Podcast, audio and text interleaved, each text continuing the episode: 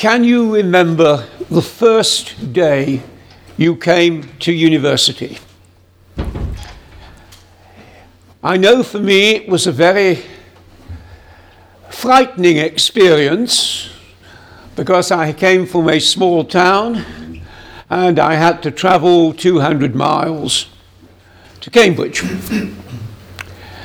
Even worse was the first time that I wrote an essay for my teacher. It's a very frightening experience because you do not know what your teacher expects from you. And the topic to which I had to address was why read classics in 1962? That tells you my age. And I said all the things that one should say about the classics, about the importance of classical literature, of Greek tragedy, and so on, of Homer and Virgil. And I said in passing that one of the advantages of Greek and Latin was that we had a finite literature. Apart from papyri, we had a body of literature that was not going to change.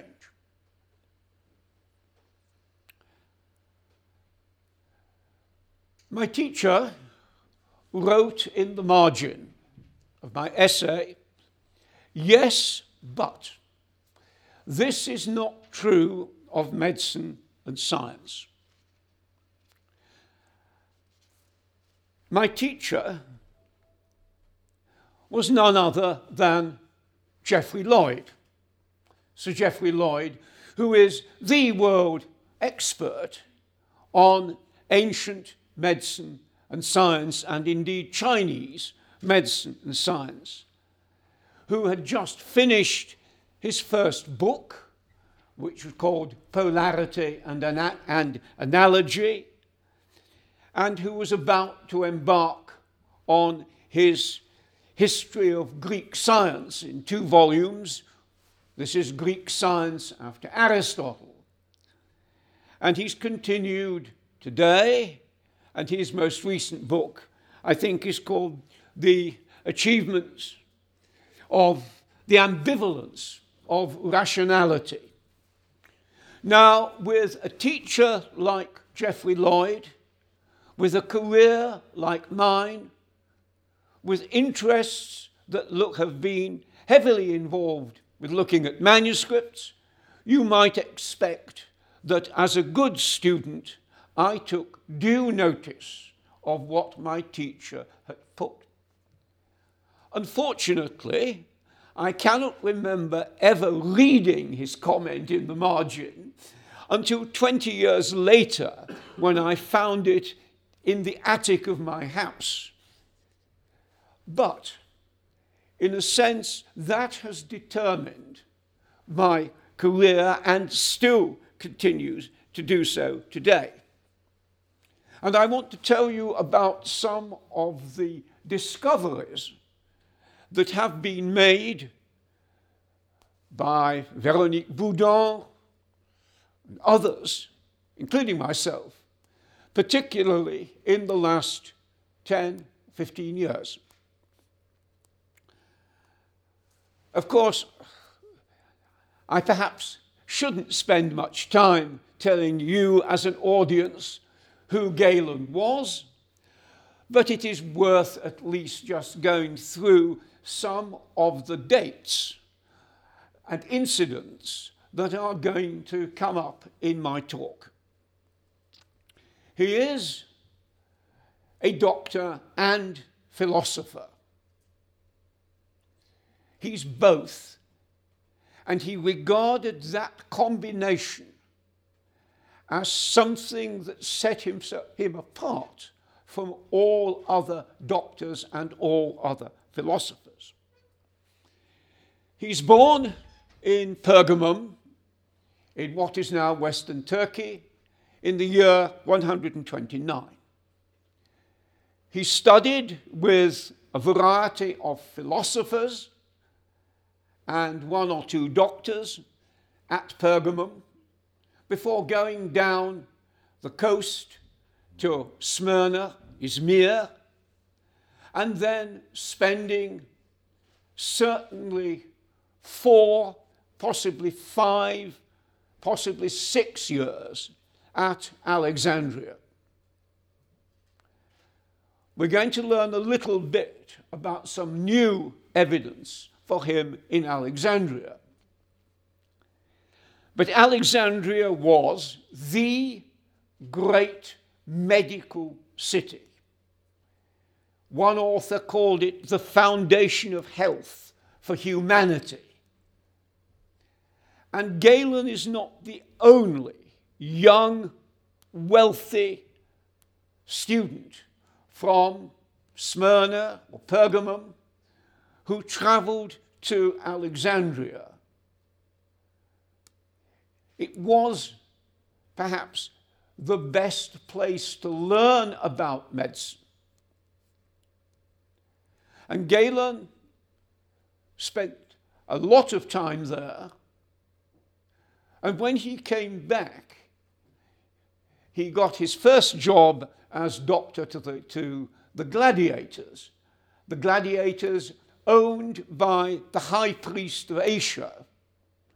And he got the job, he says, by challenging all the other applicants to dissect an animal in front of them and then sew it up so that the wound no longer bled.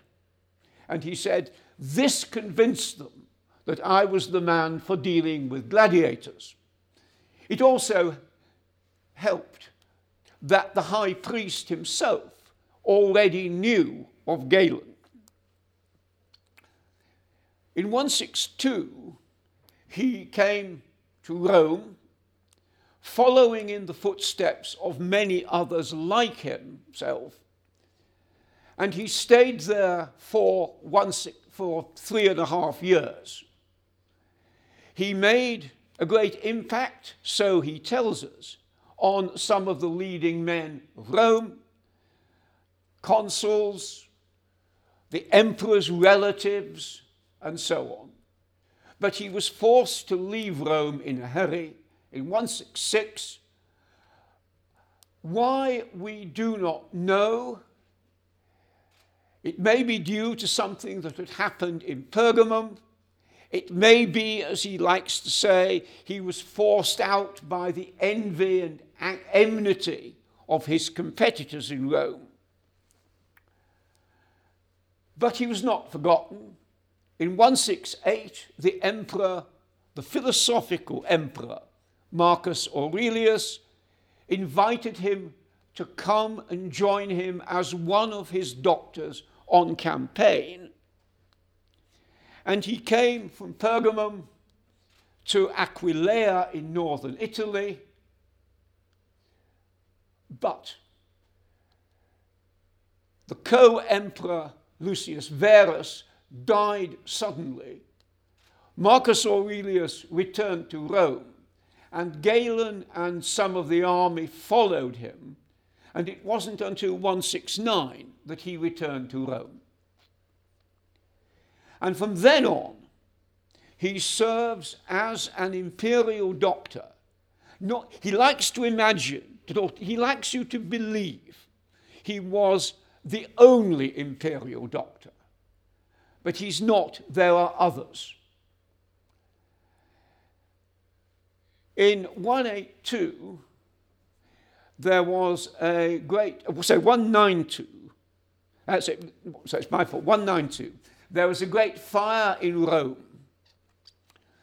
and he lost most of his possessions his books, manuscripts, his financial documents, his gold, his silver, all of which had been deposited, he thought, in, safe, in a safe storehouse, and all his legal documents. And he had, in a sense, to start again.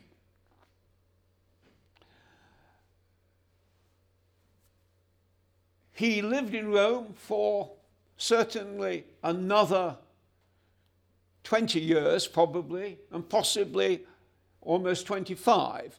We don't know exactly when he died, but I believe quite strongly that the Arab date of death he says he died aged 87, in other words, around 216, is probably the correct one.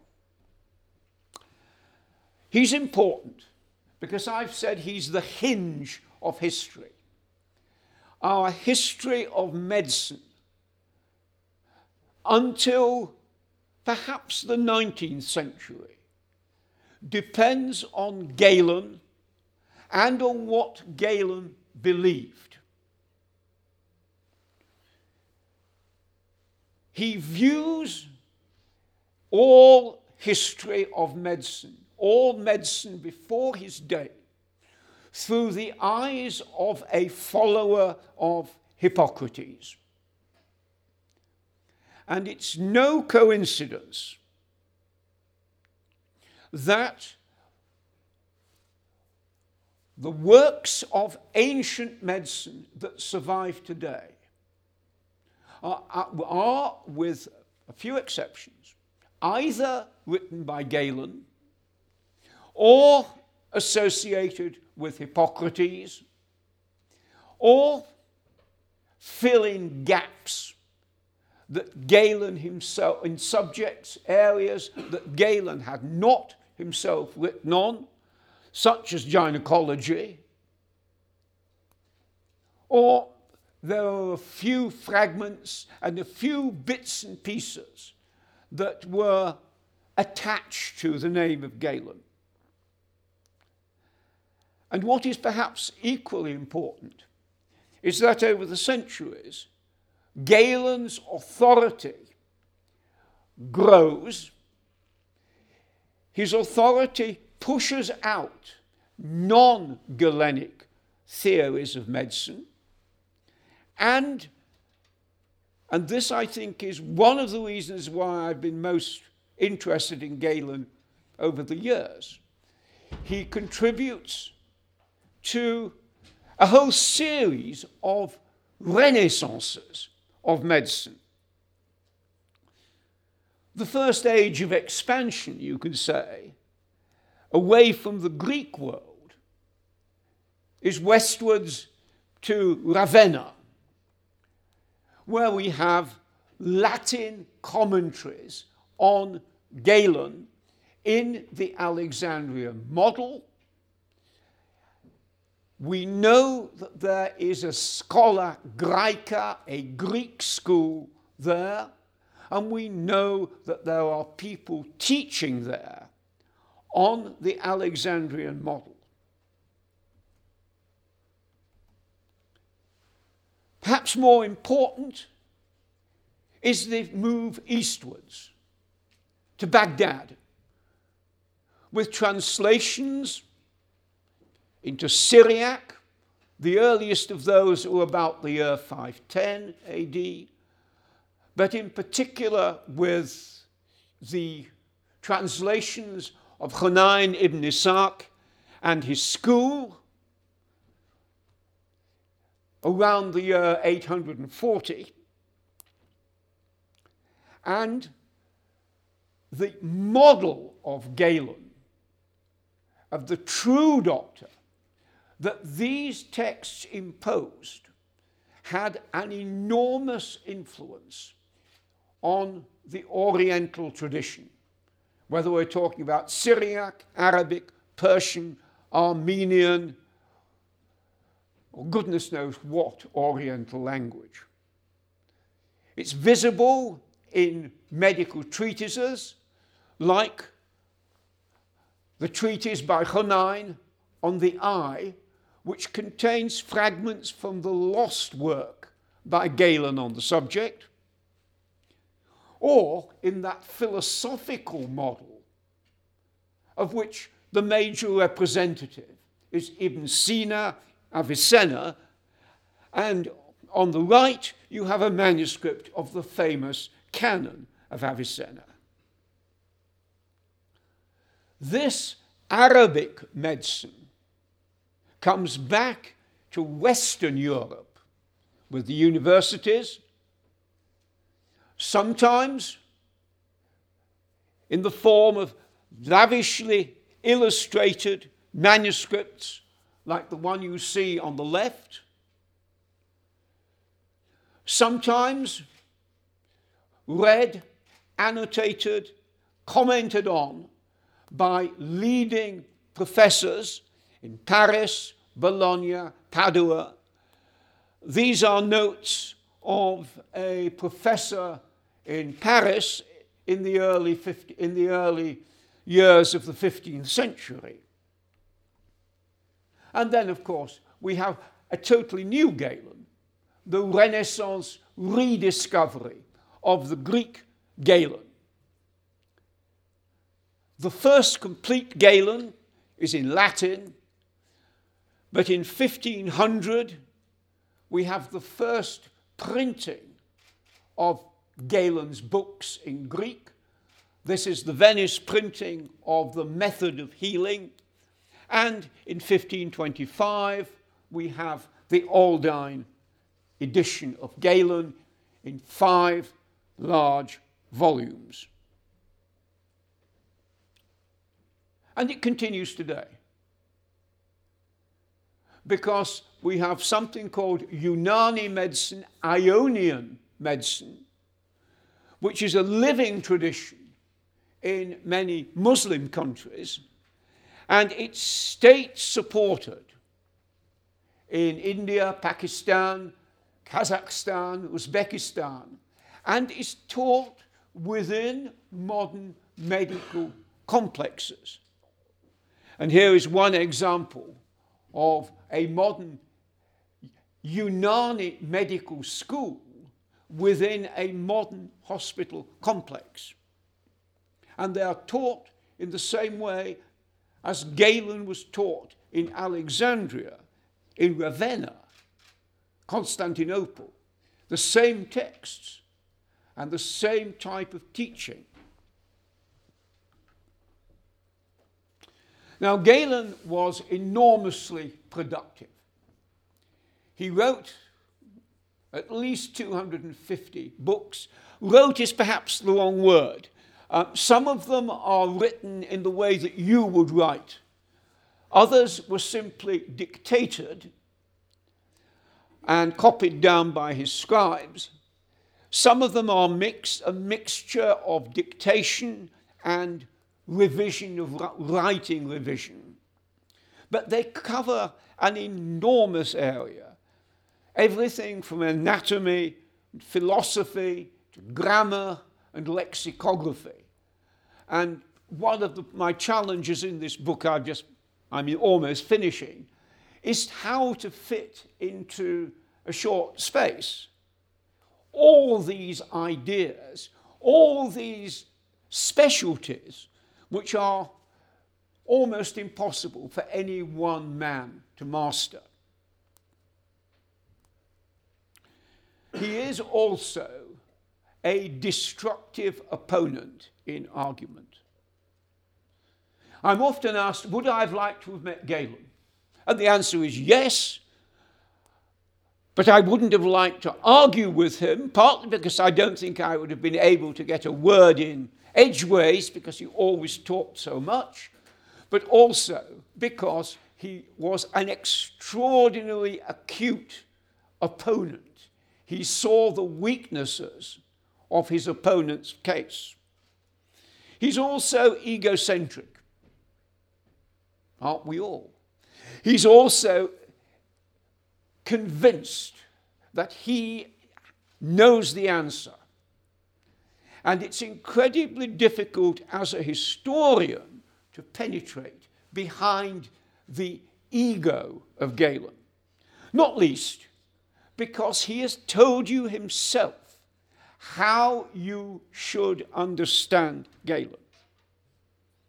He wrote a book called My Own Books. He wrote a book the order of my own books, telling you how you have to read them and in what order. At the end of his Art of Medicine, he gives a summary of all the medical books he wrote and how you should read them. And finally, we have a text called My Own Opinions, in which he tells you what he believed. So it's very difficult to get behind what he himself is saying. And he creates this persona of a man who is always correct, always right, always knows the answers, and who is difficult to challenge. Not least because he wrote so much. The edition, the standard edition of Kuhn, the 19th century edition, is in 21 volumes with an index volume and covers roughly a metre on my shelves. And since then, we have added at least another half metre of books. Just think of that. Think where you're actually going to put them on your shelves. And since 1900, we have had every two or three years a book either announced, published, or at least some extracts announced and published. It's quite a challenging produ- rate of production. And I've just listed some of the 20th century discoveries. The missing books of anatomical procedures, the commentaries on the Hippocratic epidemics, a book on medical terms, fascinating from the point of view of linguistics and also from sense. Because he says, if you're trying to understand what Hippocrates wrote, Hippocrates wrote in the 5th century BC, and he writes a type of Greek that we don't speak today. How are you going to find out what Hippocrates meant? And he says, don't read Greek historians. Don't read philosophers, because philosophers speak highfalutin words. Go and read Aristophanes' comedies because if you are making jokes, your audience has got to laugh. Your audience has got to understand the joke. So that Aristophanes writes the language that people understood and therefore is a good guide to understanding Hippocrates. We've got theories about medicine, medical experience, a book on diet, a book called On Homoiomerous Parts, which is to do with um, the different types of um, makeup of the bones, the skin, the flesh, and so on. We've a large chunk of a book called Character Traits, which I'll talk about in a moment. And we've got a book called Examining the Physician or How to Choose a Doctor, in which the answer is, it's twofold. The first is ask your friends, and the second is if you haven't any friends, you've got to learn medicine and ask the doctor questions and then judge his responses. Uh, unfortunately, he expects you to ask so many questions that you could very well be dead by the time you have finished your list. And Galen has produced, these are all Galen's books from the 20th century. Now, the 20th century, the 20th, also if you like, rediscovered Galen, largely through Latin translations by Niccolo de Reggio, who was active in Naples between 1300 and perhaps 1350. And we have something called The Parts of the Medical Art, another book called On Causes, a sketch of empiricism, and The Thinning Diet. All these are short. All these are almost irrelevant to medical practice. And that's why they were not copied often. That's why some of them were lost in Greek. But they were rediscovered in the 20th century.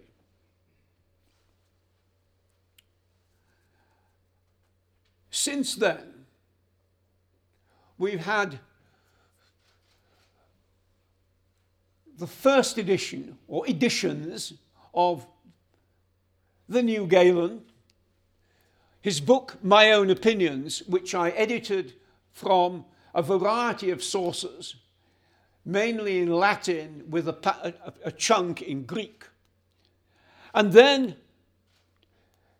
was edited by Véronique Boudon and Antoine Pietrobelli and from the Vlatadon Codex. And here we have it, 2005, edited from the original Greek by Véronique Boudon and Pietrobelli. The Vlatadon Codex is an amazing document. It exists in the library of a convent in Thessaloniki. It was found, and this is an example to us all, it was found by a research student who was waiting for a book to come he'd ordered up, and he went to the shelf and saw a catalogue and noticed that there was a, it contained on my, the, a Greek text of On My Own Opinions, and he ordered it up. And there it was. It's the most spectacular discovery of a classical Greek author in four, perhaps, centuries, because it contains the lost portions of On My Own Books, the lost portions of the order of my own books, and they were edited very quickly by Véronique Boudon in 2007. It contains a text we knew only from the title and quotations in Arabic called Avoiding Distress, which uh, Véronique Boudon edited in 2007 and was re edited by her, Jacques Jouanna, and Antoine Pietrobelli in 2010. And since then, there has been an Italian edition, uh, an English translation, a German translation, another Italian translation, and goodness knows what else. And there are at least three volumes of essays in the press at the moment. It is the most important discovery in, and I suspect in classical studies for some while. And these have, if you like, this, this, this codex has led to two new series. One is the Budé Galen, so promoted by Jacques Jouanna and his students.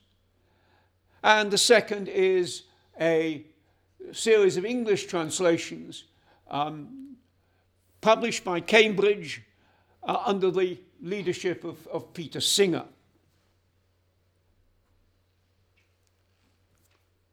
If that wasn't enough, I've been spending my time the last few years in going through Latin texts that were not supposed to be by Galen. One of them I, I published in 2011, which was called Problematical Movements. Why, why do things work? How is it that when you're standing on a mountain, you begin to tremble?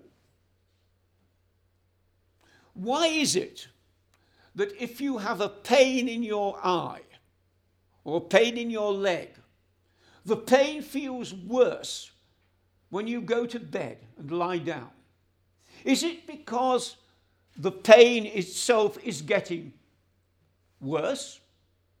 Or is it, says Galen, that in your normal life, you're dealing with so many other things that you forget about the pain? Interesting idea. We'll come back to this in a moment. And the text I'm, I'm working on at the moment uh, is a text called On the Voice, which was first printed in 1490. It was rightly dismissed as non Galenic. And there was an edition as uh, a German PhD thesis by Hans Baumgarten in 1962, uh, a text that is actually rather difficult even today to get hold of. There is going to be a copy on the net, but I'm not sure whether it's actually made it yet. But my conclusion is that in fact this is genuine Galen, and this is excerpts from the lost book or the lost treatise in four books on the voice. And this adds new information. And of course, we've others to come. We know in the press at the moment is the large commentary on airs, waters, and places. We know of fragments being discovered, new fragments, of his major philosophical work called On Demonstration. New fragments being discovered certainly every few months in Arabic, Hebrew, and indeed in Greek texts. And we also know of somebody working on a text called On Vivisection, in which Galen tells you how to vivisect animals. Now, what does all this mean? Well, the first is that Galen is a passionate, passionate anatomist. He's an expert dissector, and he says he was recognized as that since his days as a student. Even when he was in Pergamum, he wrote a little text on anatomy for a fellow student. He's particularly interested in the brain and the nervous system.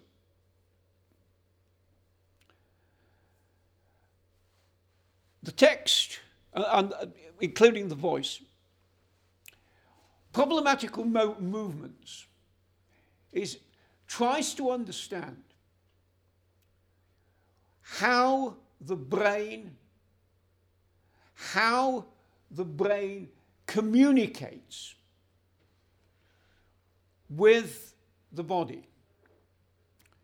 Now, it begins with an, a sort of an attack on the standard view.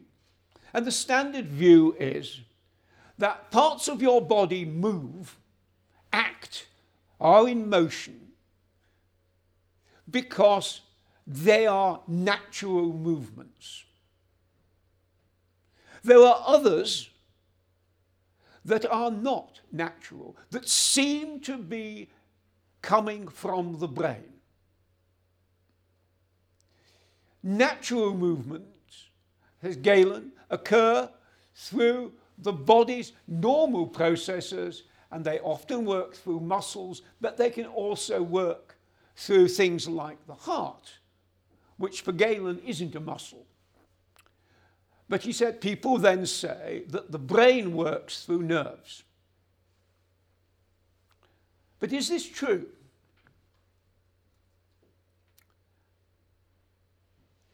Do things work entirely by muscles? Are there things that work in the body without muscles? And his example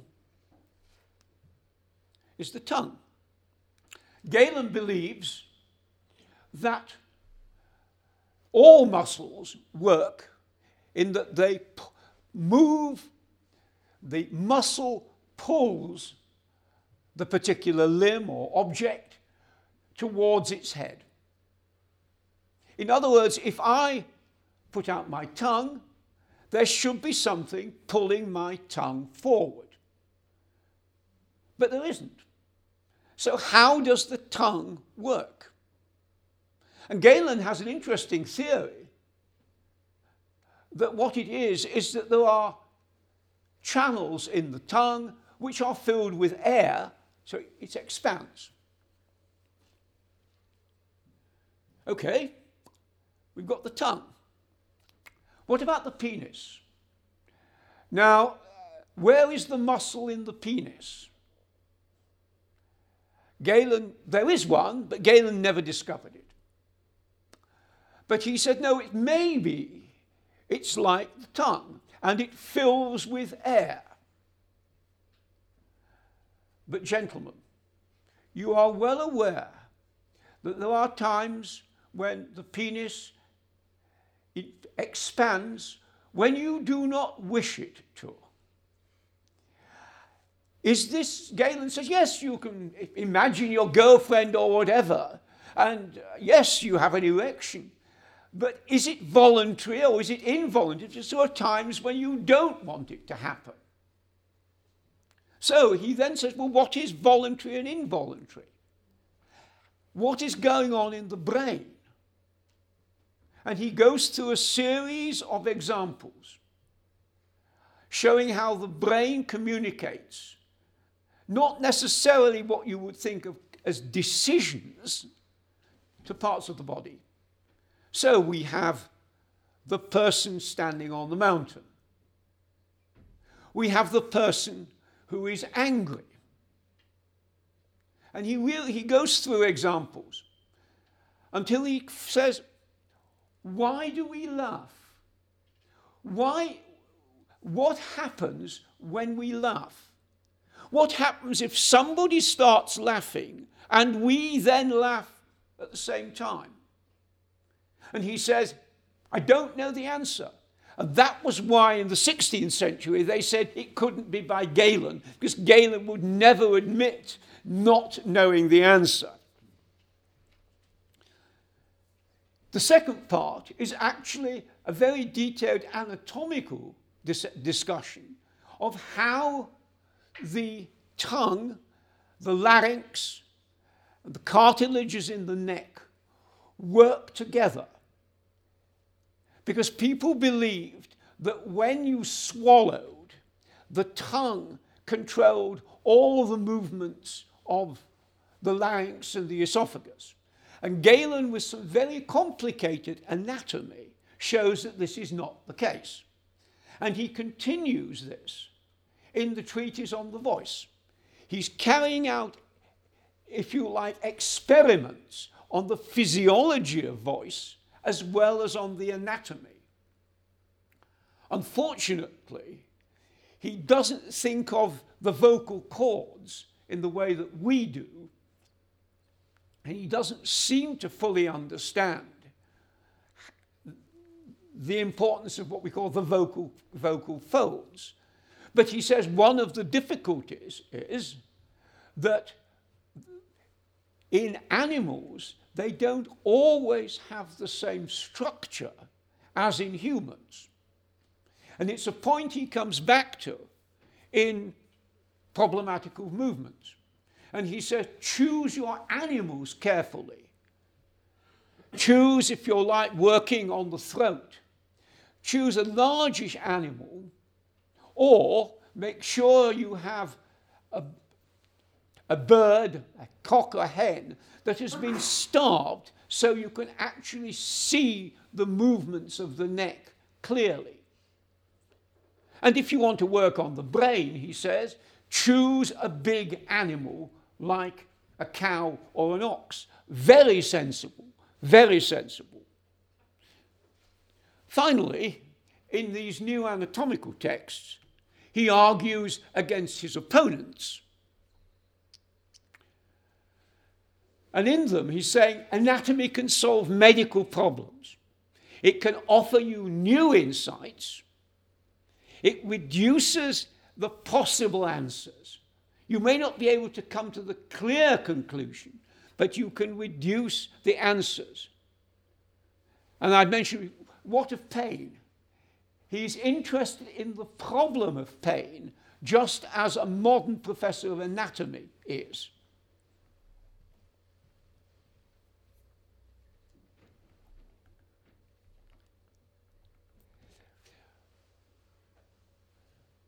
What of moral philosophy? Here, again, the new text is important.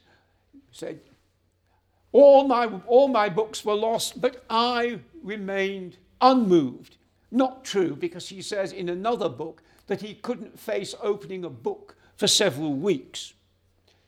He said, always imagine the worst so that when it comes, you're prepared, and if it does not, you can be grateful. He talks about his own disasters, the loss of his slaves in an epidemic. And he talks about life under the Emperor Commodus. He says, the worst emperor in living memory. And it links with passages, little lines here and there in other books, in which he says, people came to him scared of what the emperor would do. He talks of this great fire of Rome, in which he lost his documents, valuables, his instruments, some of which he devised himself. He talks about the Roman libraries that were destroyed, so he can't make copies. He talks about his own losses, the, his major lexicon of Greek comedy, his, many of his work on lexicography is destroyed. And he also lets us know he had a house in Campania and he was originally planning to go there, I suspect to get away from Commodus, and was planning to send his books there when they were burnt in Rome. And he had then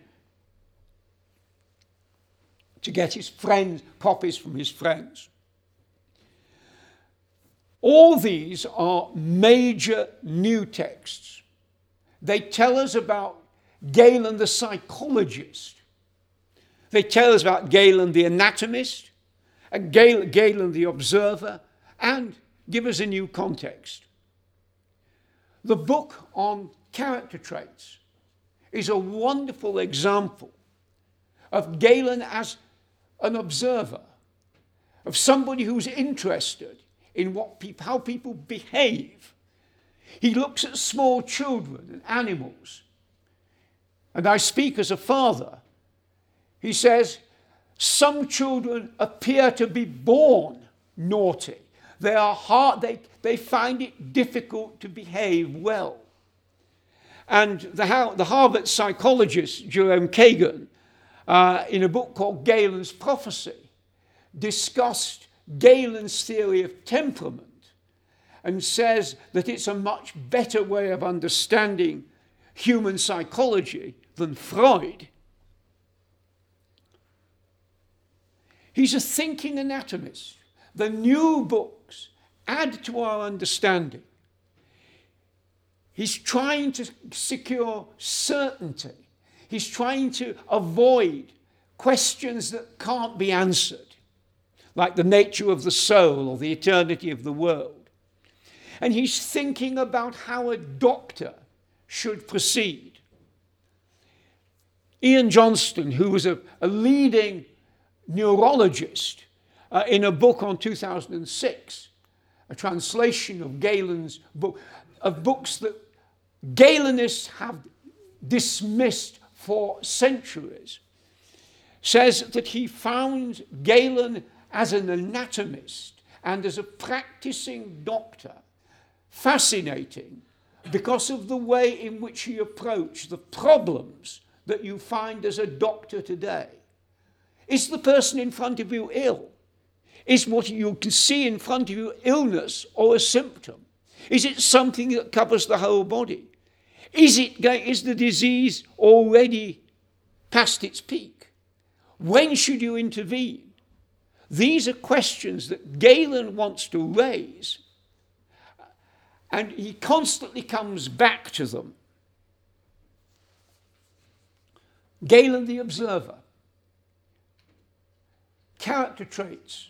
In character traits, there is a wonderful passage deriving from his time in Alexandria, in which he talks at great length and clearly what would have been very fine Greek of a combat he saw in the theatre at Alexandria between a snake and a mongoose, which he said was interesting because the snake had never seen a mongoose and the mongoose had never seen a snake before. So they are clearly innately opposed to one another. In Alexandria, too, as we know from the fragments of the commentary on airs, waters, and places, he learns about winds, waters, places. He goes down to the harbour to talk to ship's captains. He learns about the winds. He learns about new countries. And of course, in on, my, on dis- avoiding distress, he tells you about what was in the libraries of Rome, about what unknown Aristotle there was, works of Theophrastus that are now lost to us, works of other philosophers, famous copies that were now were destroyed. What is the future? Well, there's going to be more. We know that. It's likely that we're going to have more from East European libraries, whether in Greek, Arabic, or whatever. We're going to have some new translations turning up, I suspect. We're going to have better translations and commentaries that are going to reinforce his own image as the great, supremely competent doctor and we're also going to have, I'm convinced of this, new archaeological material of direct relevance from Pergamum. I think it's purely an accident that we have yet no evidence for Galen in Pergamum except what he tells us.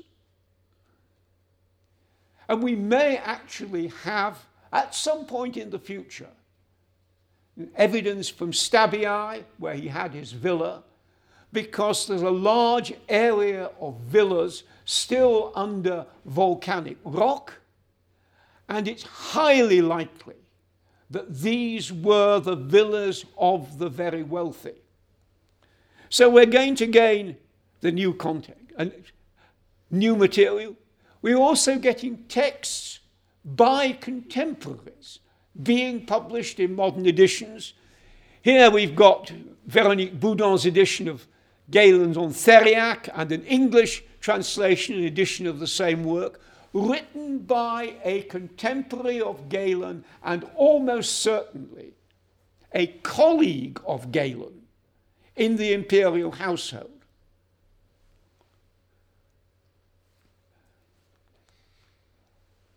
We've got two new contemporary authors.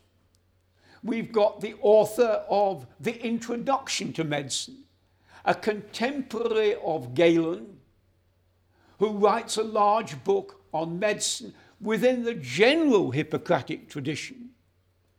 And we've also got, I also published a few years ago, a, a text called On the Properties of a Drug called Centaury, which was written by a Greek doctor in Rome, writing the same time as Galen to his brother back in the Greek world. These are contemporaries of Galen that we can use to measure Galen against them. And I end with what I think is one of the, most dreadful statues I've seen, which is set up in Pergamum in the year 2000 to mark something or other in Galen's life. It really is an awful piece of modern sculpture. Let us hope that we're going to have a better sculpture, a better memorial of Galen still to come. Thank you.